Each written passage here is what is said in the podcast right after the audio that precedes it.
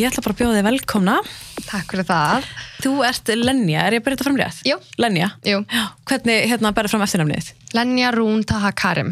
Taha Karim. Já, þetta er smá mouthful, sko. Þetta, frá hva, eða hvaðan kemur þetta? Kurdistan. Kurdistan. Já. Ok, og þú elstu þar upp eða? Nei, ég fættist hér. Ok. Um, ólst upp hér, þá ég var 14 ára. Fluttum til Kurdistan og kom svo aftur þegar ég var að vera 17 ára. Ég ætla að viðkynna það, ég vissi ekki að Kurdast, Kurdinistan, Kurdistan. Kurdistan væri til. Nei, við erum alltaf, ok, við erum ekki sjálfstætt land, sko. Nú, ok. Já, við erum ekki með sjálfstæði, en við erum með líðveldi í þeim hluta sem að ég er frá. Ok, er þetta, hérna, ég er sko hræðileg með landafræði og þrátt fyrir að vera frá Líbanon sjálf þá veit ég ekkert hvaða löndur hann í kring. Já. Er þetta, þetta er miðastur? Jú, Já. þetta er Miðausturland. Þetta er svo að, þú veist, eitt land inn í fjórum löndum, uh, Írak, Íran, Sýrland og Tyrkland. Ok. Ég er frá íraska partinum, Og talar þið þá arabísku? kurdísku. Kurdísku? Já, Þeir eru bara með mál, sér mál. heldur betur. Ok, ég kann eitthvað smá í arabísku líka, við, þú veist, við þurftum að læra þetta að nóti. Og bæði mamma og pappi eru, Kurdísk, já. Ok, áhugavert. Af hverju komuðu þau hingað? Bara, Uh, pappi var að flýja borgarstyrjöld í Kurdistan á þeim tíma ok. uh, og svo fór hann aftur til Kurdistan í veist, frí eða heimsókn eða eitthvað svoleiðis Mm. og kynntist mömminni og þau gifti sig þar og hann kom með hann aftur hingað. Mm Bara líkaði vel að vera hér og... Já, ég held að fyrst, þetta er bara, mamma hún sagði alltaf sko, það skrítnast að við að koma til Íslands var bara, það, það voru enga byssur hérna. Já. Þannig að þú veist, fólk spyrir hana, æ, af hverju, það er svo vond við, hérna, það er allt svo dimmt og eitthvað, og hún bara, já, en það er enga byssur og enga sprengjur, þannig Einmitt, þá var þetta var bara, hérna, vond ástand þegar, já, algjörlega. og var ekkert mál fyrir það að koma. Jú, ég meina, þú veist, það, að þau voru náttúrulega hælisleitundur, að pappi var hælisleitundi og þú veist, það var alveg vesen, en þú veist, ég held að tímanir hafi verið aðeins betri þá þegar að koma meðfyrir flóta fólks yfir höfuð. Báði því? Já, árið 1993 það var betri meðferð á flóta fólki heldur núna. Einmitt, ég mani þetta því að pappi minn kemur líka frá, hérna, Líbanon Ítalju hingað Já. og það var bara ekkert mál, sko. Einmitt, með við. Og maður stundum bara eitthvað svona, en í dag er þetta bara þvílíkt vesen, sko. Ég veit það. Bara meðferðin á fólkinu núna. Já, þetta er ekki hægt, sko. Nei. En ég sá um þetta, hérna, þú ert, þú bjóst í salakörunu. Já, Ég líka. Ég, já, ég var í, hérna, ólst upp bara í salakörunu og var bara salaskóla og Hættu, í alveg. Mm. -hmm. hvaða mótil ertu? 91. 91, ok. Ég er 99. Já, þannig að þú hefur ekki verið með mér í, eða hvað? Nei. Jú. þú hefur verið í fyrsta bekka eða Já. Já. Vorum kannski saman í hérna fjölgreindaleikunum Já. eða eitthvað. Ég meina, Oh my god, þetta er fyndið. svo lítið land. Já, og er því ég man að þú tvítaðir einhvern tíman hérna, bara svona reynslu þinni Já, í, í salskóla og hún var bara gjör ólík minni. Þú veist, og ég er náttúrulega með uh, eitt fóreldur mitt er íslenskt, sko. já, og hérna þannig ég upplýði ekki sko þetta sem þú uh, talar um bara fordómana sem þú upplýðir já. í grunnskóla Mikið er ég glöðsamt að Já. þú upplýðir það ekki. já, einmitt sko en hérna, ég var einmitt með annari stelp í bekk sem var líka frá, held ég, hún var annarkvæmst frá Íran eða Írak og ég fór einmitt að hugsa þegar þú skrifaði bara, guð, allir hún hafi lendi í þessu, þú veist, ég með henni í bekk ég hafði ekki hugmynd um það, þú veist, var þetta var eins og, ef ég útskriði fyrir þeim sem sáu ekki tweetið þitt, Já, þú lendir sagt bara í því að þér var bara stríkt fyrir húðurlit og, og líkamshár og, og fyrir að vera bara frá þér landi já. hvernig, þú veist, hvernig byrjaði þetta? Var þetta bara frá fyrsta bekk? Já, þetta var bara frá fyrsta bekk að að sko ég átti heima í breiðholtinu uh, þanga til að ég fór í grunnskóla Mhm. og þú veist, breiðholt er bara svo fjölmennt samfélagi einhvern veginn, þú veist, það var bara fyllt þær um krökkum eins og ég og þú veist, þannig Mhm. að þetta var ekkert öðruvísi svo í salakvarinu, að þú veist, þetta þetta var ógeðslega nýtt hverfi, Mhm. þú veist, það var útkverfi og um, þetta byrjaði bara í fyrsta bekk og þú veist, að krakkar meina ekkert með þessu, þú veist, þau sjá bara eitthvað sem er öðruvísi, þau gera grína þessu, allt er góð með það, en þú veist ég held að þetta hafi bara verið svona friendly stríðinni sem fór aðeins svo af landstundum sem er, þú veist, alls ekki afsakanlegt út af því að kennararnir gerði ekki neitt í þessu Einmitt. Og, og mamma en pappi jafnvel letu vita Já, og það var ekki tekið á því. nei, ég myndi ekki segja að það hefði verið tekið að því, sko Nei. Hvað voru krakkarnir þá að stríða þér fyrir? Bara, þú veist, var það ekki bara aðalega, ég sá að Twitter að, hérna, bara hvernig hún lítur út? Já, jú, algjörlega, þú veist, það er alveg öðruvísi að þú veist að vera bara með einhverjum sem er svona brútt og ég var með rosalega dökkhár þegar ég var yngri. Mm, líka bara fyrir það að vera frá Kurdistan tala annað tungumál.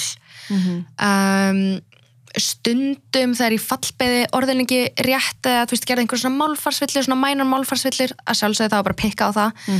Um, og svo núna, þú veist, að því að ég komin í lagfræði og þú veist, ma maður talar svona aðeins öðruvísi mál þar, þú veist, fólk spyrir mér stundum, ertu laganemi, þú talar eins og laganemi og þú veist, ég held að það sé eitthvað svona innbyggt í mér að vera bara, þú veist ok, ég gerði málfarsvillir þegar ég var yngri en sjáðu mig núna, Já, þú veist, ég já. tala ógeðslega málefnilega, þú veist, þetta er bara svona partur af einhverju svona deep-rooted issues dæmi Já. hjá mér. Að sanna fyrir, fyrir sjálfum sér einhvern veginn og öðrum bara hérna, þú veist, ég er, ég tala, svona, ég tala mjög góð Já, sko. ymmit, ymmit einmitt.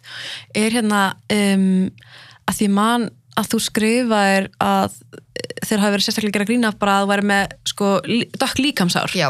og ég man það var kannski eina sem ég tengdi við úr að krakkanum fannst rólega skrítið að vera með mikið eða svona dökk hár Já. og maður er með ekstra mikið þegar maður er lítill. Já, og maður tókur þessu svo inn á sig. Ég veit það. Maður bara, þú veist, maður upplýsir bara svo lítinn apa. Já, bara, bókstaflega. Já, þetta er svo særandi. Ég þurfti að hætta í sund út af þessu sko. Er það? Já. Hvað voru þau þá bara að svona, gera grín alveg svona Ekkert endilega, þú veist, brútal grín stundum var bara benta á þetta og eitthvað svoleiðis en þú veist, maður er bara sjálfur gæðvitt óörugur með sig. Mhm. Ég var rosalega óörug með mig. En þú, býtu, hefur þú lendið einhverju, þú veist, þannig út af líkamshárunum eða? Ég man bara að það var að því ég var meðviti um það Já. að því ég sá allir aðrir voru ekki með dökk hár þannig ég var svona alveg meðviti og þegar einhver spurði kannski bara akkur er þetta með svona dökk? þá tók ég þessu bara, þú veist bara ég veit það ekki. Maður fyrir vörð Já, og maður, vil bara reyna að taka þau og, og hérna og sama með reyndar önnur stelpa sem með mér, hún fekk hérna rúslega öll dökk hár hér Já. og hér og þá var alltaf verið að hérna, þú veist, af hverju, af hverju er hún með skegg? Og eitthvað svona, Æ. þú veist. Já. Og þú veist, þetta er, þetta er ekki skegg. Þetta er náttúrulega bara dökk uh, líkamsár en maður svona, þú veist þetta er úrslega erfitt. Já. en hvað hefur viljað að hérna, þú veist, er þið gert? Meira inngrip. Og bara það fyrst, sérstaklega frá kennurum og fullorðnum manni í kring.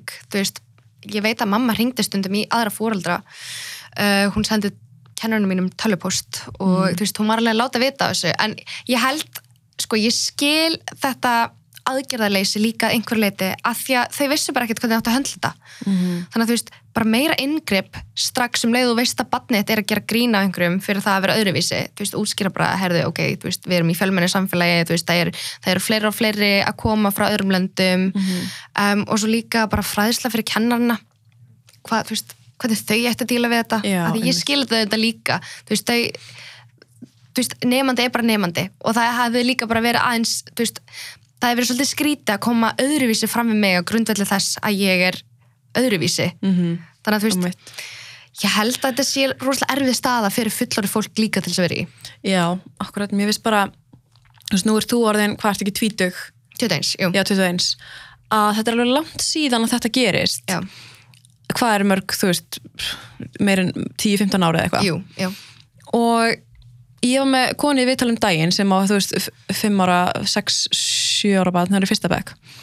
Og hann er dökkur. Hann er alveg ennþá að lendi í þessu, hún er ennþá að lendi í þessu skilur að, kvarta í skólanum og það er ekkert gert og ekkert yngreip þannig ég fer svona að hugsa hversu lengi ætlum að segja að bara hérna ég skil, það vantar fræðslu það vantar, þú veist, það vantar fræða kennara þú veist, það er, hversu lengi á þetta að vera svona? Veist, þetta er 15 ár síðan þú veist, 10 ár síðan ég var Já. en þú veist, það er 2021 þetta er ennþá sama vesinni þú veist, hún er ennþá að tala um hún fyrir skólan og er bara þú veist, brjálið á, á kennarskrifstofunni Ok.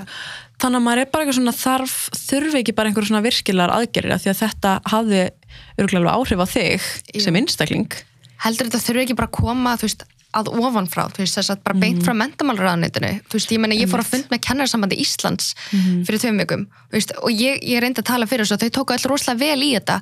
En þú veist, námskrá þarf náttúrulega líka bara að vera samþykkt af yfirvöldum og þú veist, þetta bara það þarf að grípa til aðgerða á öllum stegum stjórnsýslunar, þú veist, ekki bara frá kennarum, þú veist, þarf Einmitt. að koma að ofanfrá líka. Já, akkurat sko, ég veit að það eru margir kennarar núti sem eru mjög svona um, þeir eru alltaf að reyna að gera sitt besta þetta og en þetta er ekki þeirra höndum veist, þetta er ekki, þetta þarf að koma ofan eða semst frá emitt bara stjórnvöldum. Já, og algjörlega. þannig að við erum ekki að setja, ég er ekki setja ábyrðan á kennarana eða heldur bara svona, þú veist, Nei, ymmit, ymmit fræðslina sko, Þetta er stað allir sem veri, þú veist, ég Já. skil það alveg líka. Algjörlega sko. En þú ert bara tvítug, eða 21 og þú ert eh, yngsti, hvað segir maður? Yngsti Kjörni, kjörni pólitíkusinn inn á alþingi? Já, í nýju tíma. Í nýju tíma.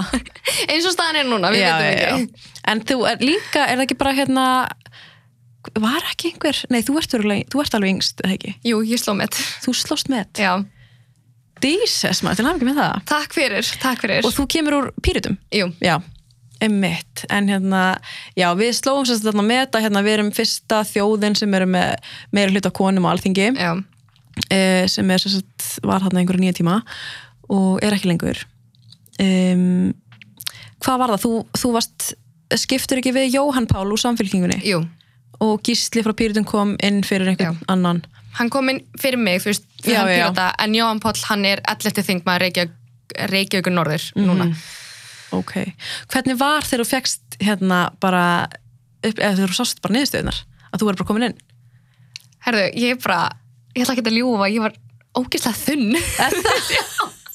ég var ógeðslega þunn þegar ég vaknaði og ég vaknaði bara við fullt af símtölum. Um, mamma mín ringdi vinkonu mín og vinkonu mín þurfti að vekja mig og eitthvað og þú veist, ég tók síminn af airplane mode, það bara komið fullt af skilabóðum frá fullt af fjölmiðlum og þú veist, bara ding, ding, ding, ding og ég sá bara einhver skilabóð þarna til hamingju, hérna efst uppi. Ég bara, holy shit. bjóst ekki við þessu Nei, að því að, þú veist, ég fór sko að sofa klukkan hálf sex eitthvað og klukkan hálf sex, þá, le, þú veist, þetta leita ekkert vel út.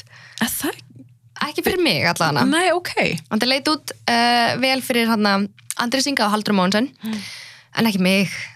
Það- What, hvað breyttist? bara eitthvað síðustu tölur Já, ég ángríns, ég sparkaði út Brynjar Níels bara á síðustu mínúndinni. Já, þökk sé, bara thank god en ég verður bara að segja það ég held að ég sé alveg búin að gefa það öllum í hjárstóðu Twitter en já, ok, þannig að þú sparkar honum út og kemur inn og síðan er eitthvað, eitthvað hérna, gerða einhvern aðtöfusemd og, og það þurft að telja aftur. Já, en það er líka það er smá fyndi og smá sorglegt í leðinni að hérna, fósitting gefur bara fram yfirlýsinga við sem bara fyrsta þjóðin sem er hérna, með meiri hluta Já. konum og allt er eitthvað wúhú síðan bara bara feilaði eitthvað því miður. En það er ennþá verið að eitthvað endurtelja og eitthvað já. ok, sem sagt, um, það hefur verið að þingi kemur saman eftir að það er búið að skipa í sem sagt, ok, þetta er ógæðislega veist, það, það fá einhverju þingmenn kjörbref um, og það er sem sagt bara það þing sem að kemur saman og mér finnst líklegast að það verið byggt á setjum tölunum, af því að þú veist, ég skil alveg, það er bara nýjastu tölur bara, um, og svo þaðan frá þessu þingi er skipað í kjörbrífanemnd og þaðan er þú veist, tekið til greina einhverja kærur sem að berast og ég, bara, ég veit ekki hvað kærur er fyrir að berast eða hvort Nei. að kærur sé fyrir að berast um, en veist, þingmenn er að fara að úrskurða um sitt eigi kjörgengi sem er svolítið skrítið en það er svolítið skrítið, er það bara í lögum eða að það sé þannig? Sko, ok, nú er ég þriði á slaganlemi Mhm. og ég skil ekki neitt í þessum kostningalögum þetta er, bara, þetta er lögunum að kenna held ég. Þú veist, það er bara ekkert gert ráð fyrir einhverju svona þú veist, nei, bokkelsi. Einmitt. En þetta er sko, já, einmitt. Þetta er búið að vera út um allt á Twitter og það er allir brjálæðir. Já. en það voru allir, það voru einhvern veginn mér fannst, fólk held svo mikið með þér. Já, þú veist, bara svona svo mikið svona ferskleiki inn í, inn í þessa, þú veist þetta þing, finnst mér sko. Ég held líka þessi stöðningur sem ég er búin að vera að fá er bara eina sem er að halda mér gangandi akkur núna, þetta var svo mikið sjokk bæði að komast inn og dætt út. Algjörlega líka, og ég held líka að fólk hafi sko fólk var bara í áfalli sko á Twitter. Það var bara, þú veist, þetta var eina sem við höfðum bara að lenja þér á þingi út af þú líka, þú veist þú representar svo margt sem er svo, svo mikilvægt fyrir fólki, Já. þú veist allt sem þú stendur fyrir og allt þetta. Og það þarf náttúrulega bara að hafa einhvern, jú, jú, það er örgulega einhver hann líka, en þú veist, fólk var bara fólk held allan með þér og þetta var svona hjartans mál fyrir fólki að þú kæmir þarna inn og ég held að sko ef þetta þing ákveður að hérna setjum til að ganga, ég held að verði allt berjála sko. já, ég meina, ég veit ekki alveg hvernig viðbröðin verða en þú veist að ég veit það ekki, þú veist, þetta er einu svona ekki út af því að ég er frábær manneskja en mér finnst ég að heima þarna en ég bara bókstæla held að ég geta gert svo ótrúlega góða hluti. Líka bara því ég kemst upp með svolítið mikið hlutum sem að þetta gamla lið kemst ekki upp með. Einmitt. bara smá pöngin á þingi og þú veist, ég held að það þurfi alveg. Já, guð minn almáttur það er bara aldrei verið jafn nöðsulegt en að, já, bara það út af fyrir að hérna, að þetta hafi verið eitthvað fokk upp og svo alltaf kom eitthvað nýtt í ljós að hérna, það var opið og fólk er bara ósátt með þetta allt. Já, og ég held að hvernig sem þetta fer að það er aldrei að fara að taka þetta í sátt því þeim finnst þetta er svo mikið svik. Þú veist maður bara það. svona treystir þessu og síðan er bara eitthvað svona algjört bara kæruleysi og, og fokk upp. Sko þetta, eins og þú veist, þetta snýst eins og ekki um það hverjir er á þingi lengur. Nei. ef við segjum svo að þau, þau samþykki fyrstu talninguna það er samt svona, skilur, iffi mm -hmm. talningin líka iffi uppkostning, þú veist, ok, allt í góðu. Við erum alveg hlindi en samt, þú veist þetta, þetta er rosalega mikið um brotið tröst á líðræði Íslands einhvern veginn. Veist, og ég er líka bara rosalega spennt að sjá hvernig kjörsókn verður í næstu kostningum, þú veist, verður kjörsóknin meiri eða verður kjörsóknin minni út af þessu sem að gerðist. Einmitt. Það, já, mér var svona aðtöðvært samt sko hérna að maður fekk að kjósa með blíjandi Já, ég skildi það ekki alveg, sko. Ég fór henni í kjörklega minn bara með blíjand ég, má það? Já, sko, ég held að þetta hafi alltaf verið þannig en þú veist, má ekki alveg endur skoða það eitthvað? Einmitt. Ég, ég veit ekki alveg hvað mér finnst um þetta, sko. það getur alveg náttúrulega- já, það getur alveg verið einhver með stróklir Já, ég meina, ég var náttúrulega bara að kjósa mínum fyrstu alþengiskostningum, þannig ég vissi aldrei hvernig framkvæmdin væri eða, þú veist, eitthvað þannig. En, þú veist, bara eftir allt þetta ég ég vona bara þau komist að góður niðurstöðu, sko. Þú veist, ég, við getum ekki annað gert heldur en að treysta alþengi núna. Nei, einmitt. En ég held að uh, nú mettur bara það að þingi fá að ákveða, allir séu bara nógu ósáttur með það, Já, út af það er bara svolítið ólýræðislegt, sko. ég veit það. Og ég held að þetta sýnir líka bara rosalega mikið hvað það vanti nýja stjórnarskrá. Og bara þú veist það þarf að gera ráð fyrir einhverju svona ruggli í lögum. Þú veist, lögin þurfa alveg að geta gert ráð fyrir einhverju svona. Og þú veist líka bara að hafa þetta hafa þetta orða þannig að það geti náð utanum eitthvað svona fuck up. Mm. Að þetta er raunin alveg mannleg miðstök þetta, Já. einhver, einhver ruggling í talningu, já, en hitt hefur kannski átt að, hérna, allavega. En, en það sem þú stendur fyrir, svona fyrir það sem þekkið ekki, þú kemur úr, uh, að þú ert í hérna, pýritum og svona þín helstu mál, hver eru þau?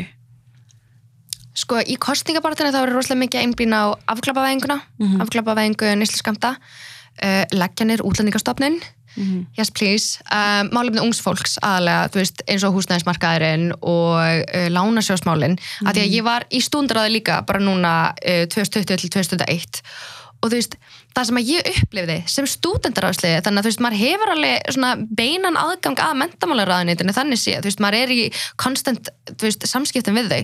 Það var bara ekkert hlusta á stúdenda sérstaklega eftir að lánasósfrumvarpið í fyrra var samþykkt þú veist, það, bara, það var ekkert tekið marka á því sem við sögum þannig að, þú veist, Hverjum þá? Eða þú veist, þið eru námsmenn? Eða veist, ég bara, ég veit það ekki. Og þú veist, það, þetta, er, þetta er að leiðilega við þetta. Þetta er búið að vera sami slagurinn núna veist, 30-40 ár sem er bara ekki í lægi og þú veist, svo líka bara málefni fólk sem er jaðarsett. Í alvegni tala, þú veist, það ég fór að fund með frú Ragnheiði um daginn og ég veit alveg að þú veist Ég, ég, ég komur sjálf út í pólitík, allt í góði skilu, ég veit alveg hvað ég á að búast við. En ég fór bara út af fundinum ótrúlega leið og þú veist, ég bara trúði ekki hvað þetta er miskilin hópur og hvað það er öllum alveg sama einhvern veginn þú veist, það vantar einhverja svona hugssjóna mannesku inn á þing og þú veist, það vantar bara einhvern sem að trúir því einlæglega að það er hægt að laga kerfið þetta þurfi ekki að vera svona ótrúlega erfitt þurfi bara Já. metnaðin algjörlega. Og ertu að tala um hérna jaðasetta þá uh, fólk í neyslu og, Já. og þá það sem hérna ungrú Ragnhjör er að er að sjá um með að hjálpa. Já, algjörlega og svo líka bara eins og fólk í kynlífsiðinanum og þú veist hins einn samfélagið á Íslandi og við, bara, við höldum alltaf að við, við séum að standa okkur svo ótrúlega vel þar að kemur að jafnbrettsmálum og bara málum sem að snerta jaðarsett fólk yfir höfuð. Við erum það ekki í alvegni. Ég held líka, eh, mér, svona mín tilfinning er að þegar við, þegar við skoðum fréttir að þá er yfirleitt sko jákvæðar fréttir í garð sko hins einn fólks upp Já. á þú veist uh, með annarkvært, þú veist, vera að selja bara því þau með ekki að blóði eða þú veist, hérna, vera að tala um gay pride eða vera að tala um þau með að gifta sig. En það er ekki verið að tala mikið um allt hitt. Nei. þú veist, það sem gerist þetta ógíslega það sem gerist. Og ég meina eins og hérna fer alveg smá í töðunum með þegar fólk segir að við séum á svo góðum stað þegar kemur að þessu út af því að fólk er ennþá lamið fyrir að vera samkynnið Já, veist, algjörlega. lamið og við, ef við tökum bara jaðarhópa líka bara lamið fyrir að vera feitt lamið Já. fyrir að vera, þú veist lamið fyrir að vera jaðasett bókstaflega. Og þetta er líka bara samtal sem við þurfum að taka. Þetta, veist, ég, ég er svo ótrúlega til að opna á þetta samtal veist, og það verður ógeðslega erfitt og ógeðslega óþægilt í smá tíma af því að fólk vill ekki heyra um, að það eru sömur sem hafa það bara alls ekki gott í samfélaginu okkar. Af því við búum í svo mikil jafnréttis paradís við vorum, með kvennaþingi nýja tíma. Hvað meira viljum við? En eins og ég sagði, þú veist, þegar það kemur líka að afgreðslu þessa mála sérstaklega á svona háu stegi eins og alþingi það þarf bara að hafa samráð við þessa hópa, það þýr ekki að ég einhver manneskja sem að, veist, hefur enga reynslu til dæmis af kynlýsinnaðinum sé bara að fara að móta einhver lög um þetta og veist, að reyna að löglega þetta án þess að fá þeirra álit á þetta. Mm -hmm. Sami hins einn samfélagi, sami útlendingastofnun þú veist, tala bara við flóttafólk og þeirra reynslu og bara eins og með afklöpavæðingu nýsliskamta, þú veist, hvað viljið þið sjá? Hvað viljið þið að það sé gert fyrir ykkur? ég held að ég þekki ekki einn sem er sem, sagt, uh, sem, sem er hérna bara þú veist, glímið við fíknivanda sem vill ekki afglæpa væða neyslu skamta, þetta er fólk, þetta er fólki sem er að lendi í þessu, þetta Já. er fólki sem er að reyna að segja, Já, þú veist, okkur er refsað fyrir að vera með hennar sjúkdóm já, en, en hérna, já, en þetta er vist uh, á að taka aldir að skoða og þú veist, gera og græja og alltaf þarf að skoða þetta, þarf að skoða hitt og en hérna já, það sem hérna mér langaði líka að spyrja er þetta með hérna þú veist um, kynlífsvinnuna og allt þetta þú veist að þið, það eru ekki margir flokkar sá, ég var bara að skoða hérna uh, hvort þetta var stefna til að eitthvað spurningar eða eitthvað hérna inn á knus já, var þetta ekki fyrirspurn eða já, eitthvað? svoleiðis. Þá var held ég píratar og viðreist held ég, það voru einu, tveir flokkanir eða eitthvað sem voru svona að benda á slæmu hliðarnar á sko sænsku leiðinni. Já, allir hérna flokkarnir voru bara eitthvað ekki alveg sammála því sko. Hann að mér fannst þetta svona ég hugsaði bara, þú veist, þegar einhver vill fara að þing með þetta málum, maður svona, hú, erfiðu slagur. Já, þetta er sjúkla erfislaður til þess að taka. En þú veist, eins og þú sagðir, það er alveg mikilvægt að benda á þessa hluti líka. Um, og eins og ég sagði líka bara ekkert um okkar án okkar. Mm þannig þú veist, maður þarf að hafa samráð við þetta fólk. Og bara það sem að þetta mál snertir, það þýr ekkert að við sem að fara að móta einhverja stefnu ein bara, herðu við ætlum að gera þetta svona og þetta á að vera best fyrir ykkur. Nei, einmitt. Hva, hven, Hvena var svona uh, þitt svona, já, ég ætla að fara í pólitík Var það bara um leið og fóst í, í lagan á mig það? Nei, þetta var undan þýrindar um, ég held að ég hef verið á öðru ári í mentaskóla Mm. og uh, þú veist, ég, ég var með rosalega sterkar skoðanir og eitthvað Mm -hmm. En- það í mentó? já, mjög sterkar í? skoðanir ég var í MS Ó, varstu í MS í líka? já, Vá, við vorum salaskóla og vorum bara í MS varst í MS? Mm -hmm. uppálsball, um, Ég held 85 baliði er það ekki það ekki? En varst þú komin í, hérna, bekk, varst í bekkjar? Nei, Nei, já, ég var í bekkjar. Já, ok. Ég var í símati. Varstu símati? En ok, þannig að þú varst í einhverju ráðum hann í MS Já, ég var sagt formar málfórundra á þriða árinu mínu. En á öðru árinu þá kom sko sögukennarinn minn upp að mér að ég var alltaf með svo sterkar skoðanir eitthvað. Bara þú verður forsætis að þeirra einn daginn. Og ég bara, já, ég gæti alveg gert það. Fer bara í lögfræði og eitthvað. En hérna, er svo líka veist, ég hef alltaf verið the odd one out að þú veist, ég var náttúrulega í salaskóla og svo fór ég MS og þú veist, það það er ekki margir, þú veist, útlendingar í þessum skólum til dæmis. Mm. veist, og mér langaði bara svo mikið að hafa góð áhrif á þetta fólk, mér langaði svo mikið að, þú veist, kveikja áhugan hjá öðrum um, öðrum útlendingum eða öðru fólki að erlendum upprunnan til þess að taka þátt í að máta samfélag okkar, til þess að taka þátt í að taka þessar stóra ákvarðanir. Og þú veist, ég, ég hef alltaf líka verið rosalega bjart sín um að þessi bara hægt að bjarga heiminum einhvern veginn. Og Já, ég held að fólk, fólk kannski heldur líka að þú sért svona algjör bara, þú veist, bara, bara góð og allir bara laga allt, en þú ert grjóthör líka. Þú veist, þú ert alveg, þú veist, þér er andum þessi málefni og, og þér langar að koma þeim að framfæri. Já, eins og þú sagðir, þú ætla bara að fara að þinga og fokka einhver upp hann, sko. Einmitt, einmitt. Aðeins að hræri í þessu. Er það ekki? Jú, algjörlega, en þannig þú ferur MS í HÍ, Já, í lögfræna þar? Já, og, og þar er, er ekki lögfræðin, þú þarf að fara í gegnum eitthvað klásus eða já, eitthvað. almennina. Já, og þú rúlaði því bara í gegnum það? Eh, ekki strax sko. Nei, ok, þegar ég náði almennum, það fekk ég reynda drullu góð einhvern. Ok geggjuð. Já. og þannig að eftir er maður orðin lögfræðingur þegar maður þarf, ekki, að- þarf maður ekki að fara í eitthvað doktorsnámi eða eitthvað? Sko, þú getur eh, þú getur orðið lagmaður ef ég skildar rétt, eftir þú ert búið með masterinn og þú ert búin að taka hana málflutningsréttindi. Já, ok, þannig ég var ennþá alveg smá eftir sko. Já, þú ert bara þriðja. Já, þriðja ári og eftir þrjú ár þá ertu orðin bara eitthvað svona mátt, þú mátt vinna sem já, já, ef að ég annan tek málflutningsréttindin Já. strax. ok. Og stefnur eitthvað á að fara bara og vinna sem lögfræðingur? Já, ég meina, þú veist, þingdreymurinn, hann er alls ekki að eilífu, þú veist, þetta er fjögur eða átt ár max, þú átt ekki að vera að þingja svona lengi. Þú veist, þú þarft líka bara að hleypa öðru fólki að og þú veist, ég hef alltaf haft þá trú að, þú veist, alþingi eða þingmenn þurfa að vera í takti tíðrandan og samfélagið, þú veist, það, það, það þarf alveg að vera stöður rótering, þannig að við séum, þú veist, ekki föst í íhalds í þessari íhaldsstemmingu sem að þingi er á akkur núna. Og er búin að vera Já, í mjög Ís. mörg ár.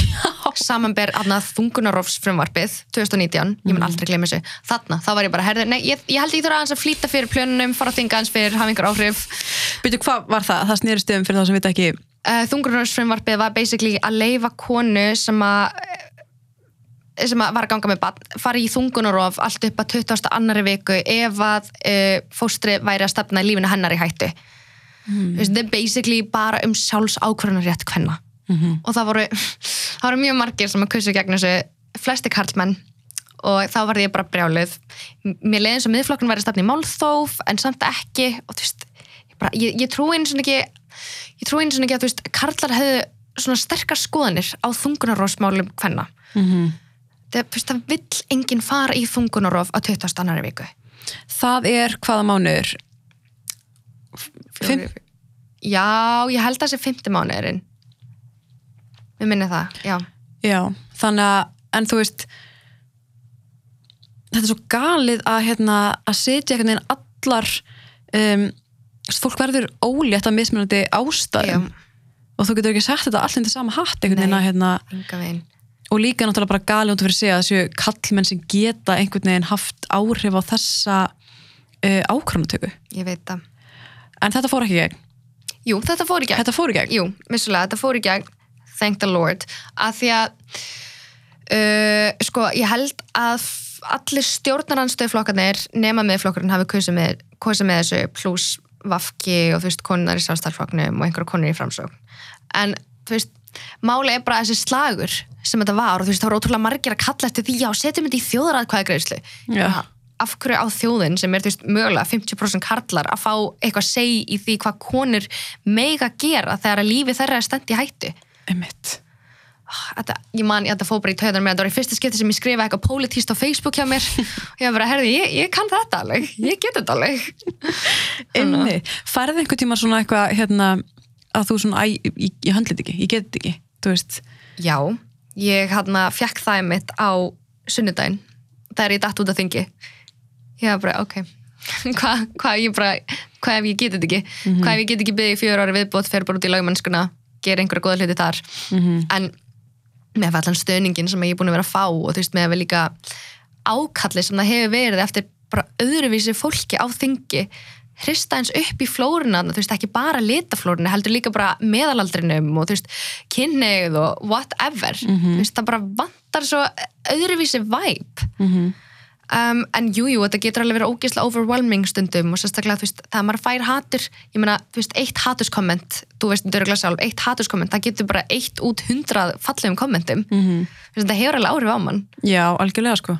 Nema maður veit náttúrulega sko því meiri hatur, því meira er maður að stuða sko, því meiri Já. áhrif er maður að hafa sko. Ég sagði þetta mitt upp átt í dag, ég sagði bara, þú veist, ef að það er enginn sem er að hata á mig, þá er ég, þú veist, greinilega ekki að gera neitt rétt. Já, nákvæmlega, það er svolítið þannig sko. En, en hérna ef þú kemst á þing hvað eru margir frá pýritum sem eru þannig með þér fimm í viðbót, það eru, fi- því að þau fengur sex tíma, tímen Ok, og hverjar eru það sem eru það er svo sagt Haldra Móhansen, Andris Ingi bæði Reykjavík Norður og svo Björn Levi og Ardís Anna Reykjavík Söður, mm Mhm. Þóruldur svona í Suðvestur hverjum er ég að gleyma? Guðmann góður, ég er að gleyma einhverjum gísla? Nei, hann, nei, já Já, hann, Hann- já. ég og hann svissum náttúrulega Nei, jú, það eru held ég orðin sex jú, við erum mann sex þannig og svo þú veist, ef ég dett út þú veist, endanlega þá kemur Gísli inn sem er í söðvestur í staðin fyrir mig Gæti hann ekki sett bara svona ætla að leifa þér að fara? nei, að því að þú veist, þetta er út af kjördæmunum Mm. Það má bara ekki. nei, það er ekki hægt Það er það pyrrandi. já, en En ég það væri svo næs ef bara svona við leifum henni bara að fara. Já, en samt, þú veist, þetta, þetta réttar að vera rétt. Svo er hann reynda líka ógæðislega flottu fulltrúi líka ef að, þú veist, ef að ég geti gefið, ef ég, ég myndi þurfa að gefa þingsæti mitt, það myndi ég alltaf gefa alltaf gísla. Já, ok. Já. Þetta er svo gott. leiðilegt, þetta er svo mikið svona skólabókadæmum, getur ekki haft bæði. Mm Algjörlega, sko. En eru enga líkur á að hérna, þetta færi aftur í endurkostningu? Jú, ég meina, þú veist, það er alveg líkur á því líka. Þú veist, það, það, það eru alveg nokkri mög- valmöguleikar og þetta er allt í svo laus lofti, það veit bókstælega enginn hvað er að fara að gerast. Nei. og það er leðilega við þetta, veist, það er ekki bara ég og veist, þessir aðri þingmenn sem er dutt út í óvissu, þetta er bara öll þjóðin Mhm. bara hver er að fara að setja á þingi fyrir okkur þú veist, í umbúðu okkar Mm Einmitt. En hvað finnst, þú veist, hvað finnst fóreldrinum um það að þú sett að fara svona ung á þing og eru þau bara full support? það eru svo stolt af mér Já, það ekki. svo stolt af mér, mamma sendi mér einmitt skilabóð á hana á sunnundaginn eftir ég datt út og hann bara, ég samt elska þið svo mikið þú verður bara, þú verður bara að sjá hvað þú ert búin að ná að áorka miklu bara á þessum nokkrum vikum sem að þú ert búin að vera í frambúði og þessum 21 árum sem að þú ert búin að vera í lífi og þú veist, bara ógeðslega fallið skilabóð Mm Geðvikt. Það er svo mikilvægt líka að maður, að maður fái þann stuðning, sko. já, einmitt En, en þetta er ekki búið enn og, og þú kannski kemur inn. Hvað er þið svona það fyrsta sem þú myndir svona leggja áherslu á og kemur inn? Úf, ég held, það er svo mikið sko. Um, fyrstu vikunum mína, þú veist að því að ég efast um að ég geti lagt fram eitthvað frumvar strax. Fyrstu vikunum mína, þá myndi ég fara á stúndraðsfund setja þar bara sem áhverjum villtrú eða eitthvað og bara kíkja hvað liggur þeim mest á hjarta. Bara hvað eru hitamálin akkur núna og svo fara bara með það beintir á þingið. En fyrsta frumvarpi sem ég myndi leggja fram er örgulega afklappa veginn neysluskamta að því að við erum með tvö full unnum frumvörp þú veist, við erum búin að taka þessu umræðu tviso sinnum á síðasta kjörtímbili tviso sinnum, þú veist það ætti ekkert að vera neitt mál að laga þessi vafatriði sem að, þú veist, frumvarp pírata var fælt á og slæta þessu í gegn. En setti Svandís ekki fram breytingar á frumvarpinu? Jú, hún svo satt laðið fram sitt eigi frumvarp en það dó uh, við þingrof. Þannig að þú veist, hún náði aldrei að leggja það officially fram og það fór aldrei í kostningu Mm. en það er sem tilbúið. Þannig að við bara þegar þingið, þegar, við, þegar þingið er myndað þannig að þá er þetta að keira það bara í gegn. ég vona það, ég vona það ég líka bara, ég, þú veist með að við fólkið sem er inni núna og þá sérstaklega fyrir hönd pírata, við erum ekki að fara að leifa þess að deyja bara, þú veist, það þarf það þarf alveg að taka á þessu strax, það er búið að vera hátt ákall eftir þessu og líka bara, þú veist, við getum ekki að lift, við getum ekki að jaðarsett þetta, jaðarsetta fólk meira, það Nei. er ekki sangjant Nei, einmitt. Mér finnst bara, ég held að séu svona margir núti sem skilja ekki alveg, þú veist, eins og þegar frumvarp er, um, þegar einhver leggur fram frumvarp, þá þarf meiri hluti þingsins að samþykja, Já. ekki? Og í þessu tilviki eins og með um, hérna, afklippaðingu neysliskams, þá var, var hel, meirin helmingur sem, sem vildi fá þetta í gegn. Nei, sem sagt um, sko að frumvarpi hjá Pírötum það var felt með 27 atkvæðum gegn 18 held ég um, og það var bara, þú veist, ég man sko þegar ég var að horfa á útsendinguna heima þú veist, ég vissi eins og ekki hvort myndi ná í gegn eða ekki, að þú veist með við fólki sem var að fara upp í pontu og þú veist, með við orðræðina, þú veist, það var í smá svona þetta gæti mögulega komist í gegn. Og það sem að grasrót Píröta gerði var bara að ringi alla þingmenn. Bara, hæ, getur ekki samþætt þetta, þú veist, meira þess að þingmenn stjórnaflokkana, spurðu bara, hæ, þú veist, þetta er ógeðslega mikilvægt mál, nefnir please að vera á grænu, bara að kjósa já með þessu. En það fór vist ekki í gegn. Og líka þetta er svo ótrúlega stórt mál, að þetta varð hápólitíst, það er bara, nei, ok stjórnarnanstæðin má ekki ná þessu í gegn. Þetta er eitthvað sem við stjórnarflokkanir þurfum að ná í gegn. Þannig að þú veist pólitík er ógæðslegt og stundum það er ég bara svona, hvað var ég að koma mér út í? En ég er einmitt einn á þeim svona hugssjónamannskjum, bjartsýnumannskjum sem að heldur að geta laga kerfi með því að vera hluta því. Þannig að við sjáum bara til. Það er alveg, mér varst alveg magnað hérna, þetta kom mér alveg sérstaklega óvart sko hvað þetta var mikið svona um, með þetta frumvarp út af því að þegar maður sér hverjir voru með eða hvað þetta voru, sko, þetta var kostningalofur því á svo mörgum flokkum og svo þegar um, vinsturgrann leggja fram eða svondís leggja fram þetta frumvarp að þá er samt ekki fólkið í vinstri grænum sem er að kjósa með. Nei. en þetta var upphaflega þeirra kostningar lofvörð og þarna fer maður svona að hugsa bara svona, þú veist, heyrðu, ég bara treysti engum hann inni, sko. Nei, einmitt, svo var þetta líka bara í stjórnarsáttmálunum Já, þannig að þú veist, ok, þið hefðu fjögur ár. Hvað gerðu þið á þessum fjórum árum, skilur, ok, ég veit alveg COVID gerðist og allt það, en það þú átt samt alveg að geta höndlað að koma afklapa við einhver neysluskamta í gegn þegar þú ert búin að lofa því. Mm, en akkur kýstu líka á móti? Bara þú veist, hvað er það? Það var basically út af því að það voru einhverju svona tiltekin vafa atriði sem að þau gáttu bent á í frumvarpi pírata. Nema píratar þau komi með uh, breytingatillu sem að tók á þessum atriðum sem actually bara þú veist, lagaði frumvarpið uh, þegar þau fluttu þetta frumvarp. En það var kosið gegn breytingatilluðinni sem átti að laga frumvarpið þannig að þú veist, sko, það var felt frumvarpið á þeim forsendum að það var ekki, það var ekki veitt næjan nógu miklar upplýsingar um til dæmis neyslurími og mm. skilgreining á neysluskamta eitthvað svoleiðis. Píratar löguðu það og lögðu það svo fram stjórnaflokkarnir kusu samt gegn því þannig að þú veist, þetta, þetta var bara svo bara pólitískt. sýndarmennska? Já, þetta var bara síndamennska sem er svo ógæðislega sorglegt og þú veist, Mhm. hvað færðu út úr þessu? Jú, ok, fólk er enda kýst aftur, en þú veist Já, en, en samt bara leðilegt, skilur við, bara Já, virkilega leðilegt. En er eitthvað, þú veist, í hérna, eitthvað með hérna námskrá eða hérna kennsluefni eða sérst, grunnskóla, námsefni í grunnskólum sem svona píratar eða þið viljið svona uh, leggja áherslu á? já, ég meina, þú veist, eins og kynjafræði Mm -hmm. Við sáum það náttúrulega líka í kappræðinum á þeim daginn, þú veist, það er bara allir flokkarnir vilja leggja áherslu á kynjafræði í skólum sem er svo ógæðslega mikilvægt. Ég held að ég hefði fengið þetta þegar ég var í grunnskóla. Um, og svo eitthvað sem að ég hef persónulega verið að berjast rúslega mikið fyrir er hann bara fræðslega um fordóma. Yfir höfuð, bara þú veist hverskins fordómar, hvort það sé uh, þú veist, fordómar gegn hins eginn fólki eða fordómar gegn uh, fólki af öð, öðrum kynþætti eða eitthvað svoleiðis, mm veist, þetta er bara fræðsla er svo mikilvægur partur af því að læra og sérstaklega á þessum byrjunar árum veist, ég veit að ef að ég hefði fengið fræðslu þá hefði ég kannski ekki gert sum mistök sem að ég hef gert og þú veist, mjög margir aðri líka. Já, algjörlega. Mér finnst bara stundum, þú veist, eins og þetta hérna, já, þú veist, þetta er, þetta, þetta er svo mikið svona siðferðslega rétt að hérna, þú veist, afglæpaðing neinstiskams, uh, námsefni í skólum, þú veist, kynjafræðsla, uh, niðugræða sálfræð, þjónustu, allt þetta. Þetta er siðferðslega rétt og allir kjósa með og einhvern veginn leggja fram frumvörp hérna hægri vinstri en einhvern veginn er aldrei lagt fram fjármagn í þessa hluti Nei. þannig að maður er einhvern veginn svona þú veist, þegar maður tekur fólki viðtölu og er eitthvað svona, já, þú veist, hvað finnst þér um þetta? Bara svona, já, klála, bara það er svo mikið þörfafræðslu þú veist, Já. það er svo mikið bara, nið, bara niðugreiða sálfræði þjónustu og svo bara eitthvað hérna svo bara, svo bara hérna, leggja fram eitthvað frumvarp og svo bara fylgir enginn þessu eftir Nei, ég veit það þannig maður er eitthvað svona, er ekki til peningur eða hvað er málið? Jú, það er til peningur og ég held að sko ríkissjóður, að þú veist, ég held að sko þegar þetta frumvarp var samþygt um að niðurgræða sálfræðatjónustu, það var gert ráð fyrir 2 miljardum sem er bara dropi í hafið, skilur það var bara, ignora það. Þessi 2 miljardar sem hefur getað farið í það þú veist, það var ekki sett í fjárlega en svoleiðis. Og ég held að sko þetta snýst um sérhagsmuni kannski líka.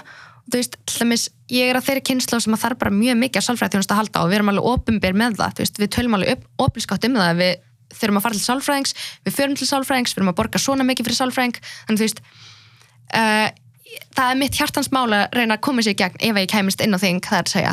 Á meðan að þú veist, eldri kynslóðin er kannski smá svona, já, ok, er það mikil þörf á því að við þurfum að setja í fjárlög núna en ekki á næsta ári? Mhm. að því að þú veist, þau, þau eru náttúrulega í sinni eigin búblu og ég er í minn eigin búblu. Þannig að þú veist, það er svona þarf líka einhverja manneski til þess að brúa þetta kynnslóðabil inn á þingi. Og vera bara, heyrðu, ok, þú veist við erum með, við erum með eldra fólki, svo erum við með unga fólki þú veist, hvernig getum við hitt hvort annað í miðunni mm -hmm. En er ekki alltaf, þú veist maður, þú veist, fólkið á þingi ertu ekki á þingi fyrir þjóðin ertu ekki á þingi fyrir fólkið? Jú. þú veist, eða ertu á þingi fyrir sjálfa þig? Nei, Þú veist, einmitt. það er svona það sem að stundum uh, eins og þú veist, allt þetta hérna bara allir vita, þetta er gott máli þetta þarf, auðvitað villengin sjá fólk sem er heimilisleist eða fólk í veist, glímaði fíknisjúkdóm. Ég sá bara í hérna í stefnu bæði sjálfstæðsflokkins og vinstri græna þá var þú veist bara í stefnunni bara þú veist fíknisjúkdómur er ekki sko á ekki að vera löggest eða hérna lauruglumáli eða eitthvað svoleiðis það á að vera skil það er heilbreyðsvandamál og eitthvað svoleiðis. Það vita þetta allir. Já. en einhvern veginn bara er er ekki að gera neitt í því líka þú ert í fullkomni stöð til þess að gera eitthvað í því. Mm Mhm. akkur ferðu annars inn á þing en af hverju er þetta í ste- af hverju er af hverju veistu af þessu, af hverju veistu að þetta er rétt? Af hverju veistu að þetta þarf að gerast en þetta er ekki gert? Ég held að þetta sé bara eins og ég sagði, þú veist, sérhagsmunna gæsla og þú veist þetta er, þessi flokkar sem er kausið gegn þessu, þau eru rosalega mikið að vinna með íhaldsamt fólk sem eru að kjósa þau. Þú veist, þau vildi ekki missa einhver atkvæði til dæmis það er að koma að afklappa við einhver neysluskamsfrumvarpinu þú veist, að því að þetta var svo nálegt kostingári það var bara í fyrra, þú veist, það að það var fælt þetta frumvarp, þú veist, eins og ég sagði bara sérhagsmuna gæsla og það er svona er svo ótrúlega mikilvægt að vilja ekki vera að þingja eilifu, þú veist, bara í fjögur að átta ármaks, að því að þú veist, þá ert ekki að hugsa bara, heyrðu, ok, ég þarf að þú veist, byggja upp sterkan svona fylgjandahóp og ég þarf að kjósa samkvæmt því sem að þau vilja ég kjósi eða þú veist, ég þarf að kjósa þú veist, samkvæmt því sem að þessi flokka vilja ég kjósi þannig að ég geti byggt upp samstarf við þau, þú veist, á næsta kjörtímbili mögulega og mynda ríkistörn með þeim, þú veist, að, þú veist, þetta er alveg, er alveg venjuleg hugsun, það að þú ert í þessu vinnumkari og þess vegna held ég að alþingi sé almennt bara rosalega óheilbreytt vinnumkari Til lengri tíma. Já, algjörlega Já. til lengri tíma, þess vegna finnst mér bara svo ótrúlega þægild að vita því, bara, veist, ég er bara að fara að vera hérna í fjör til átt ár ég bara er að fara að fuck shit up og fara svo bara út í lagmennsku, skilur, veist, það er bara ég er alveg með backup plan. Er alveg með plan B sko. Já, En er maður ekki hættur um að fólk festist þannig inni bara, veist, það, það finnur svona veist, það finnur að vill breyta, það vill að breyta meira. Já, og hérna, kannski verður bara þannig í 16 ár. Úff, ég vona ekki. Að þú veist, þú getur líka breytt frá svo ótrúlega mörgum öðrum stöðum. Ég meina, þú veist, eins og fyrir mig þá finnst mér lagmennskan vera mjög góður staður til þess að breyta hlutum, þú veist, ég get farið að representa, þú veist, fullt af fólki sem að þarf að hjálpa að halda. Þú veist, ég get unni hjá einhverjum samtökum þú veist, meira þess að frítt, þú veist eina sem mig langar að gera er bara að hafa góð áhrif á heiminn, að þetta er svo ljótur heimur. Já, ógíslir heimur sko. Já. En þú sagðir áðan líka hérna, að það verður mikilvægt að leggja nýr útlendingastofnun. Já, Af hverju er það? sko, ég held að útlendingastofnun sé bara byggt á svo ótrúlega rasiskum grundvelli að það er ekki hægt að laga þetta. Þú veist, það er ekki hægt að dæla meira fjármagn í það skipta út starfsfólkinu eitthvað svoleiðis að þú veist, andin verður alltaf eins. Um, Fyrir, Þetta fyrir fólki þá er þá hérna er, þegar fólk er í útlendingastofnun þá er það eins og það sé eitthvað jákvætt. Já, að hérna hjálpa fólki að fólk hafa einhvern svona stað til þess að koma og, og að það- þú veist, það er ekki kerfinu eða eitthvað, eitthvað vandamál koma upp. En það er kannski ekki alveg nei, ég held ekki bara með við, þú veist, fréttirnar síðustu ár, þú veist, þá er bara meðferðin á hælisleitundum ekki í lægi, þú veist, þetta er fólk sem kom til Íslands út af því að þau eru að flýja hörmulegar aðstæður heima hjá sér, það vill enginn flýja frá sína eigin heimili. Svo mitt fréttast og hérna þurfum að hætta að taka á móti tilefnislausum hælisleitundum hvað menn góður. Hven, hvenar er ekki til hven, hva, hva, hvað þýr að vera tilefnislaus að hælisleitandi? líka, líka bara hver metur það? Bara nei, þú ert ekki nóg mikil hættu. Þú veist, farða heim til þín. Í alveg talað. Mér finnst útlendingastofnun vera rosalega mikið eins og lauruglan í bandaríkinum það er ekki hægt að reforma þetta. Veist, það þarf bara einhverja hjút kerfisbreytingu. Þú veist, ég held að þess, þessi breyting uh, muni alltaf mun alltaf leiða eitthvað gott af sér þú veist, að færa þessa starfsemi yfir á síslumennina og yfir á þjóðskrá þú veist, þetta er strax einhverju breyting Mhm. þú veist, ég er bara full að trúa því að þetta gæti allavega þú veist, verið stort skref í að laga bara útlendinga andúðuna líka í samfélaginu okkar Mm. Er útlendingastofnun, er hún í eigu ríkisins?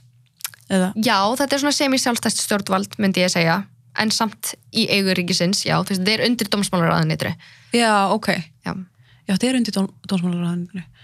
Ok, og, og lögin eru bara, hérna, tökum við á móti ykkur x mörgum flóttamennum á ári eða eitthvað svona, er ykkur reglur þar? Nei, ég held að það sé engin tala um hversu mörgum flóttamönnum þeir taka móti en þú veist, það eru lög um hvernig veist, meðferð þau fá, þú veist, hvernig það ber að fara yfir gögnin og þú veist á hvaða grundvelli það er hægt að taka við þeim og eitthvað svoleiðis. Mm Þannig að í rauninni mega, má hver sem er koma engað, bara, það verður að vera einhver skilir og verður að vera með vinnu og eitthvað svona dótið eða. Sko, já, þú veist, þú þarft að uppfylla einhver svona x-skilirði, myndi ég halda allavega hana, en Mér finnst einhvern veginn bara eins og, maður hefur bara séð fréttum að hérna, þú veist, það verður að vísa svo mörgum úr landi já, og fólk er alltaf að spyrja sig bara svona af hverju, þú veist, af hverju, af hverju má fólki vera hérna? Og en á sama tíma er fréttum líka, þú veist uh, við erum að taka einhvern veginn á móti fleiru, fleira fló, flóttafólki heldur en í, fyrra eða eitthvað sambarlegt en á sama tíma er verið að vísa öllu þessu fólki úr landi, maður bara næri ekki utan um þetta sko ég ætla líka bara að benda á það, veist, það var COVID-ár, skilur þú veist, þannig að það var ekki hægt að vísa fólki á landi, þannig að væntalega þurfti að taka á móti fullt af fólki, veist, við þurftum að taka á móti fullt af fólki, af því að það var bara bókstælega ekki hægt að endursenda þau aftur í flottumannabúðunar í Greiklandi. Þannig að veist, þetta er eitthvað sem að ríkistjórnin er búin að vera að fjalla sig á bakvið. Bara já, við tókum á móti ógæðslega mörgum síðastlega ár. Já, bara því við gáttu ekki brottvísa þeim. Já, það veist, já, ok, ég vissi alltaf um ekki. Já, já, ok, in interesting. En þannig að þannig að þú máttum að við megum í rauninni taka móti bara eins, eins mörgum viljum. Ég myndi alltaf að tólka lögin þannig sko. Mm og svo hérna þarftu bara að hérna, þú veist, hvað þarf maður að gera þess að fá að vera hérna? Sko, ég held að þú þurfir bara að uppfylla einhver svona skilirði um hættu uh, af því að þú farir náttúrulega ekkert strax annað vinnuleifi eða eitthvað svoleiðist, þú veist, atvinnuleifi þannig að ég held að þú þurfir líka að vera með einhver svona safe tekjur. Ég man ekki alveg, það er svolítið síðan ég fór yfir annað lögin. En veist, þetta, þetta er alveg einhver skilirði sem að uppfylla. Og líka, sko, það er mjög oft brottvísa fólki á grundvelli þess að þau eru nú þegar búin að fá alþjóðlega vernd í einhverju öðru landi. Þú veist, væntanlega fólk sem kemur frá Sýrlandi getur ekkert bara silt frá Sýrlandi til Íslands, veist, þau, þau þurfa að stoppa við einhverstað annar staðar eins og í Greiklandi og þannig taka flugvél, eða veist koma með einhverju máta hinga til Íslands. Eða stoppa við í Þýskalandi þannig að þú veist, væntanlega eru þau komið með einhverju alþjóðlega vernd einhverstaðar annar staðar en þú veist, spurningin er, er komið fram, vel fram með þau? Þú veist, þú hefur séð myndirnar í flóttamannabúðunum í Greiklandi, þú veist, þetta, þetta eru hörmulegar aðstæður þarna, væntanlega vill einhver flýja það og koma til Íslands Mhm. erum við ekki land tækifærina eða? um mitt jú, er það ekki? Allan á samkvæmt allum strætarskilum en, en það sem ég heyri oft líka að fólk segir bara hvað ætlum við bara að fylla landið af flóttamönnum að það er svo mikið að flóta fólkið en er það einhver hætta á því og fólk eitthvað svona yfir verið með svo svíþjóð? Nei, bara einhvern veginn, ekki að mínum mati. Og líka bara, þú veist, þetta flóttafólk er líka bara, ef við erum að horfa á þetta út frá einhver svona kapitalísku sjónamið þetta flóttafólk er bara fjárfesting, þú veist, ef við, ef við veist, gefum þeim eða, þú veist, veitum þeim ríkisborgarrétt og leiðum þeim að vinna, þá eru þau, að fara að borga jafn mikið skatt og ég og þau eru að fara að koma með, einhverja vitneski og bara, einhverja kunnáttu sem að ég er ekki með, hinn almenni Íslendingur er ekki með, þú veist, það eru læknar hérna frá mið Austurlöndunum sem að fá ekkert að vinna sem læknar, en það þau voru að vinna sem læknar að nóti, þau voru bara að hlúa fólki með, byssu meðisl, meðislættu byssu eða, nývastungur eða, þú veist, alls konar sem að Íslendingar þú veist, íslenski læknar hafa ekki séð mm -hmm. nákvæmlega þannig að það er auðvitað bara auðvitað alltaf gott að fá hérna fjölbreytilgi ég tala nú ekki um að það er fjölskylda með, með börn og fá fjölbreytilgan í skólana Já. og allt þetta sko bara jákvæmt, en hver, hver eru svona neikvæðilegnar að að, að, að taka á móti flóttafólki? sko, rökin sem að ég hef séð nota mest er svona að það, það kostar svo mikið fyrir ríki til þess að halda þeim uppi eitthvað á meðan að þau eru að býða úrlist mála sinna og eitthvað bla bla bla og þú veist að þurfa að skaffa þeim íbúð eða já, út af þeim íbúð og þú veist það er líka að kosta ekki mikið pening ef að þau fara á bætur út af því að þú veist þau nenni ekki að vinna eitthvað þannig. En, en hvaða rauk eru það alltaf að nenni ekki að vinna eins og þetta fólk vil, fólk vinna? Sko metnaða fylsta fólkið sem að ég hitt inn á Íslandi er einmitt bara útlendingar. Mhm. þú veist, þau eru bara í þremur, fjórum vinnum með eitthvað, þú veist, ég er bara að pæla hvernig þau skipta skattkortin, sem er þarna á milli, þú veist, þau, vilja í alvörinu vinna, þú veist, þetta er veist, það, það er alveg hægt að lifa góðu lífi hérna á Íslandi, veist, við þurfum bara að veita þeim sveirum, ég meina mamma mín og pappi þau komu, þú veist, árið 93 og 96 og mamma mín, hún er að starfa sem efnafræðingur og pappi mín er verkfræðingur á fyrirtæki, þú veist það, þetta er bara svona skólabóka dæmi um að, þú veist, ef að þú hleypir fólki að þá vill það aðlæða samfélaginu og það vill vinna. Mm en fólk er einhvern veginn með þetta eru náttúrulega bara pjúra fordómar um að það sé að koma einna og stopna eitthvað glæpagengi Æ, þetta eru svona alveg bara, þú veist, það er, ég held að fólk bara, er þetta ekki bara einhverju fordómar Jú. í fólki? Að eitthvað svona hræðisla við fólk frá útlöndum? Já, ég held það. Og líka bara, þú veist, þau eru alltaf að vísa í Svíþjóð og þú veist, eitthvað það sem, það sem er búið að vera eiga sér stað í Svíþjóð, eitthvað svoleiðis. En þú veist, málið með Svíþjóð er þú veist, það var bara sett allt þetta flótafólk í bara eitthvað eitt hverfi, þar sem að ríkir fátækt. Og þú veist, þetta er bara alþjóðlegt statistik, bara veist, það sem að ríkir fátækt er bara meiri glæpir. Mm þú veist, ef þú jaðar sér fólk þá er það að fara, þú veist, fremja glæpir til þess að lifa af. -hmm. þannig að þú veist, við þurfum að ná bara utan um alla hópa samfélagsins á bara sama grundvalli en fyrir, fyrir, þú veist, fólk eins og, eins og þig og mig og eitthvað, hérna þetta er svona mikil svona common sense. Já. þú veist, ekki eða bara svona, þú veist, þessi hugsun, bara svona auðvitað. Höldum utan um eh, fólk sem á bátt og, fólk sem er að glíma við einhver, einhvers konar vanda, fíknivanda, hvað sem það er. En þetta virðist ekki vera mjög mikil svona common sense fyrir marga. Nei, og það er það sem maður held ég á svona erfitt með þú veist, maður hugsar alltaf bara svona þú veist, er eitthvað bara alveg sama? Eða þú veist, hvað er málið, er fólki bara eru svona mörg önnur vandamál sem það er að taka á eða? Ég held, sko, í fyrsta lagi sé bara vanþekking á bara aðstæðum, málum, þú veist, það er líka bara, það vantar þessa samkend. Þú getur ekki sett í spór einhvers sem að þú bara relatar ekki neitt við. En ég meina eins og, þú veist, nú, ert, nú er pappið þinn frá Líbanon, þú veist, þannig að þú, þú, þú hefur einhver svona insýn inn í málin. Mm Mamma og pappið, þau eru bæði frá Kurdistan, þú veist, ég hef einhver insýn inn í málin. Og svo er, þú veist, annað fólk sem að setur sig inn í málið. Og meina, það er annað, þú veist, þessir, þessir hópar sem eru með fordóma gagvart útlendingum, þau eru svona já, já, þú veist, þetta, þetta er ekki mitt vandamál heimurinn er ljótur, ég get ekki gert neitt til þess að laga þetta. Mhm. og svo í öðru lagi þá er þetta líka bara þú veist, ef þessi kostningabarata hefur kent mér eitthvað, þá er þetta líka bara spurning um fjármagn, bara þú veist, dælum meira í velferðarkerfið, dælum meira í heilbreyðiskerfið, þú veist, það sem að það sem að stjórnveld hafa verið að gera og líka bara, þú veist, rasistar hérna í Íslandi yfir höfuð er sko að pitta fátækum Íslandingum gegn útlendingum og hælisleitendum. Eða pitta, þú veist, heilbreyðiskerfinu á móti, þú veist, kerfinu sem að tekur á móti flótafólki, þú veist, þetta, er, þetta þarf ekki að vera annarkvort eða, þú veist, það er alveg hægt að laga bæði, Mhm. Akkurat, ef það er allan að vilji já. til þess. En hefur þú mætt einhverjum uh, fordómum í garð bara svona að þú sért frá Kurdistan? já, Eða það? já, já, já Hvar, hvar upplifur það? mm, sko, stundum þá er þetta, þú veist, bara út í bæ en mjög mikið uh, í skilabóðum Eða það? já, Er fólk að senda það rasísk skilabóð? já já, Bara já, einhver- já, bara einhver- bara einhver pall út í bæ? já, þú veist, ég menna mér finnst það samt ekkert óðurlegt Mm. þú veist, að því að við eigum enn þá langt til land, sko Mm -hmm. þú veist, þetta er ógslag leðileg staðarind en þú veist, ég trúi því samt að það sé hægt að bæta úr því, bara með aukinu fræðslu og þú veist, með því að opna á samtalið og vera bara, þú veist, heyrðu, ok, þetta er svona ekki í lægi, ég er alveg jafn mikill Íslendingur og þú.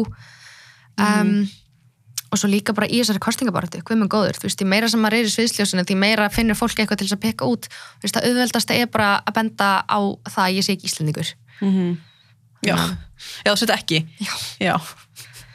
En ég meina eins og það sé eitthvað að, þú veist, en ég held að fólk sé bara viti það veit, það veit að rasismi er uh, ljótt, það veit að rasismi er særir þannig það svona notar það. Já, þetta er alveg svona ásetningurinn er alveg mikill. Já, og hérna, en þú veist eins og þú ferð einhvert, þú veist eins og varst í grunnskóla eða mentó, þú veist, er gert ráð fyrir því að að fóreldræni séu fátækir eða gert ráð Já. fyrir eitthvað svona, er það ekki? Já, mjög mikið, þú veist, það, það finnst öllum rosalega skrýta að mammin og pappi séu svona velmentuð og séu að starfa við svona góða vinnur. Ég mitt lendi í einni konu bara á laugadaginn.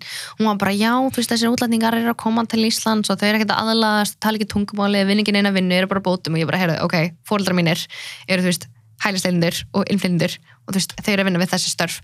Hún var bara, já, ok, Ég ætla bara að segja það mér finnst þetta rosalega flott og vel gert hjá hælisleitendum að vera með svona mentun og ég er bara svona, af hverju kemur þetta þér á óvart? Einmitt. Þau eru flest all há mentu, sko. Einmitt. Þau bara fá ekki vinnu við sitt hæfi. Já, og líka bara það að vera að sprengja landið. Já, bókstallega, þú veist, hvað getur þú gert? Hvað kemur það mentun þeirra við? Þetta er, ég held líka að bara, þetta, þetta orð hælisleitandi, eins og sért, heimilislaus, Já, eins og tengi það við eitthvað, en uh, þetta er leðilegt, þetta er ógst að leðilegt hvernig, hérna, svona fáfræði, já, en hérna, þú veist, lenda þau í einhverju svona, svona fordómum eða rasiskum svona upplifum eða er einhver starf til að tala við ennsku eða já, að sjálfsögð, þú veist, ég man ég fór einu svona í bankan með mömmu og þú veist, manneskjan var sko að tala íslensku við mig, ennsku við mömmu. Og þú veist, mamma svaraði henni á íslensku, hún held bara áfram að tala ennsku og þetta bara gekk svona á í smástund þá til mamma var bara, ég er að tala við þau íslensku og þú veist, þú var bara, já, ok, fyrirgjáðu Já, ok. þú veist, það, ég held að þetta sé líka bara óþólumæði í Íslandingum, þú veist, við viljum ekki við viljum ekki heyra hreim, Mm Ég tala hún með smá svona bjögum. já sem er náttúrulega bara, þú veist, Ísland, íslenska er bara ógæðslega erfið tungumál Já. Þú veist, ég ólst upp hérna og ég fættist hérna og allt, skilur en ég ger enda málfarsvillur hér og þar Já, ég líka, guð. Þetta er líka auðvitað, eins og pappi minn er búin að vera hérna í sko, mörg, mörg, mörg ár, hann talar ennþá bjagað. já, Kannski hefði öðruvísi hefði hann flutt inn þegar hann var þryggjára eða eitthvað. einmitt En líka maður sjálfur, þú veist, maður tala mamma og pappi saman á, á kurtisku. Já. Já, þá sjálfur líka eh, mamma mín og pappi tölu alltaf saman á ítölsku og þá einhvern veginn varð íslenskan mín smá léleg, Já. eða þannig. Og hérna, þú veist, ég er ennþá að skrifa svona í og þú veist, ég er ekkert lesblindið en eitt. Nei. En maður svona, þú veist, en það er ekki mikill, sko, sveigjanleiki í þessu hjá fólki, eða fólki er svona svolítið, svona bara strax eitthvað, mm, ok. já, þetta er útlendingur. En ekki bara skiptir á ennsku Já. þú veist, að ég veit ekki, mér finnst eitthvað svo fallegt við reyma hérna á Íslandi. Mhm. bara þú veist, íslenskur reymur Æ, ég veit það ekki. Þetta er bara, þú veist, þetta sýnir líka, skilur að landi er að vera fjölmennara. Og þú veist, við ættum bara að fagna því, í alvegni tala, þú veist, við erum 360 manna þjóð, af hverju ekki að taka við fleirum, af hverju ekki að, veist, að bjóða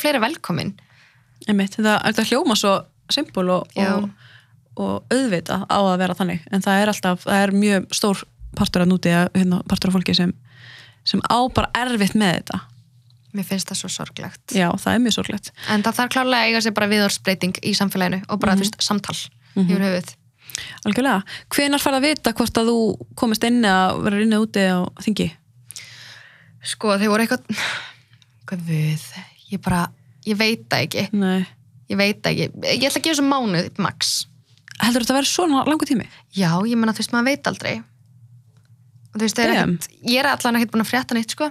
nei, ok damn, maður bara maður býður bara En það er líka bara flott, ég er fyrir prófatörnandi tvær vikur, ég fæ aðeins að fókusera á það og eitthvað.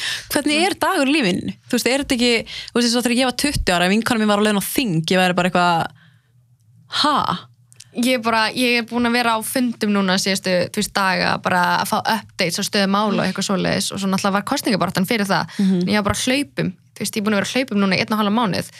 En svo núna, eins og dagurinn í dag, ég var bara róleg heima eitthvað, hm, kannski ég fari yfir glærur í kröfur ég er bara í próf í þar næstu viku, þetta er bara, ég veit ekki alveg hvernig venjulega dagur er lengur, en þú veist, eins og á morgun það ætla ég í skólan Ok, og ég ætla heim mögulega bara, þú veist, á barinu eða eitthvað, þú veist, á Peterson bara já, að, þetta á morgun. Nei það er föstaður á morgun.